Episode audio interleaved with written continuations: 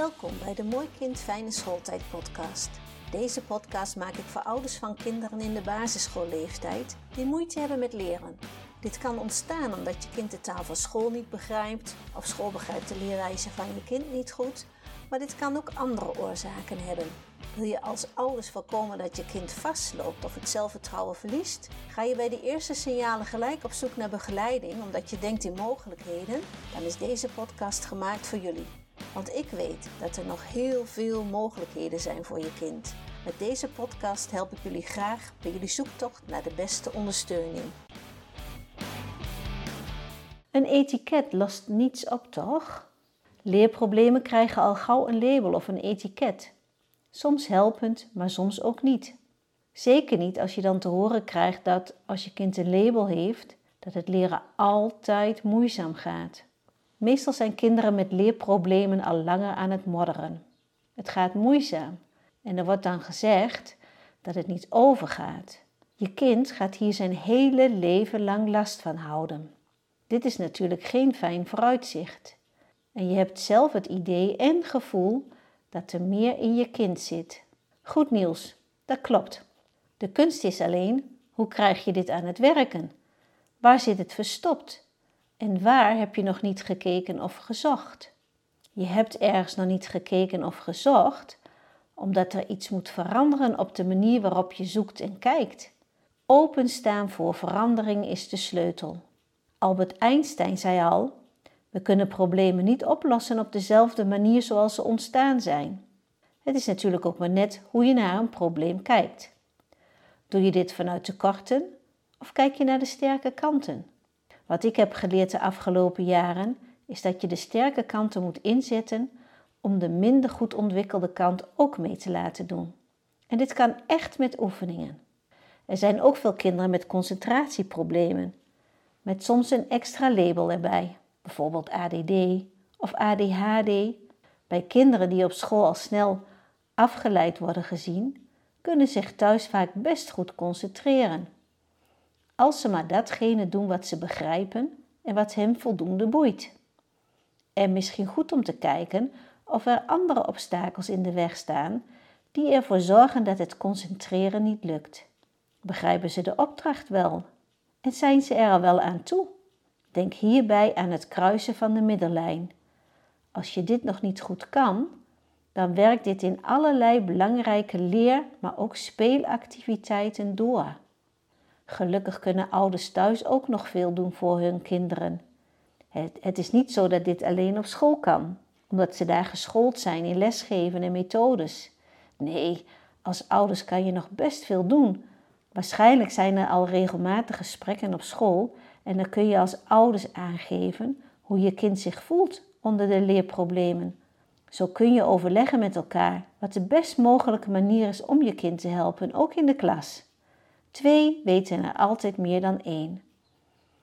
In gesprek gaan met je kind over waar zijn interesses liggen. Navragen hoe het tot sommige antwoorden of oplossingen is gekomen. Observeren. Kijk naar de bewegingen van je kind naar zijn houding, naar de ogen, de afstand die het nodig heeft om bijvoorbeeld te lezen. Het valt me op dat de afstand van de ogen naar een telefoon, dat die behoorlijk dichtbij is. Dat kinderen moeite hebben met de afstand naar bijvoorbeeld een spel of een boek om daarnaar te kijken. Toch is het belangrijk voor de ogen dat ze op allerlei afstanden goed kunnen zien. Er is zoveel wat je zelf al kan zien, maar misschien moet je even weten waar je op moet letten. Thuis kun je soms extra oefeningen doen. Als het maar niet meer van hetzelfde is, maar juist die oefeningen die aanslaan en passen bij je kind. Als met lezen de oogsprongetjes niet goed gemaakt worden en je kind steeds een woord mist, dan helpt meer lezen niet. Maar ga je oogsprongoefeningen doen. Dat heeft dan zin. Dus veel herhalen heeft geen zin. Dit is wel wat je als ouders vaak te horen krijgt. Herhalen, herhalen, herhalen. Het idee is dat door herhaling de zaken inslijpen. Voor sommige kinderen zal dit werken, maar dat geldt niet voor alle kinderen. Voor kinderen met een andere leerstijl, of nog actieve reflexen, of nou noem het maar op, is dit een lange, moeizame, demotiverende weg. dan zijn er zeker nog andere manieren om je kind te helpen. Als iets werkt, doe er meer van. En als iets niet werkt, doe het anders. Kinderen die problemen hebben op school hebben meestal al een lange tijd extra hulp gehad of moeten oefenen en herhalen.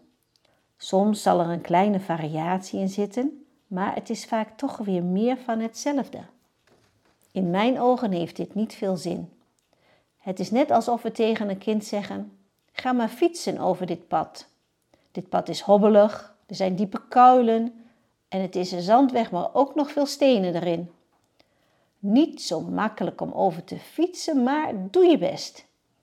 En als het dan niet lukt, zeggen we: Ach, jammer, maar doe het nog maar een keer. Je zult zien, een keer gaat het lukken. Maar zo werkt het dus niet. Dit is niet het pad van jouw kind.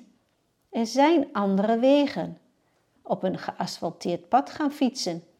Hier moet je ook wel trappen, maar het gaat toch echt een stuk makkelijker. En dat geeft een fijn gevoel en het kind denkt: yes, ik kan het. Succesmomenten zijn zo ontzettend belangrijk en er zijn natuurlijk meer wegen die naar Rome leiden. De behandeling van bijvoorbeeld dyslexie dat duurt 40 tot 60 weken.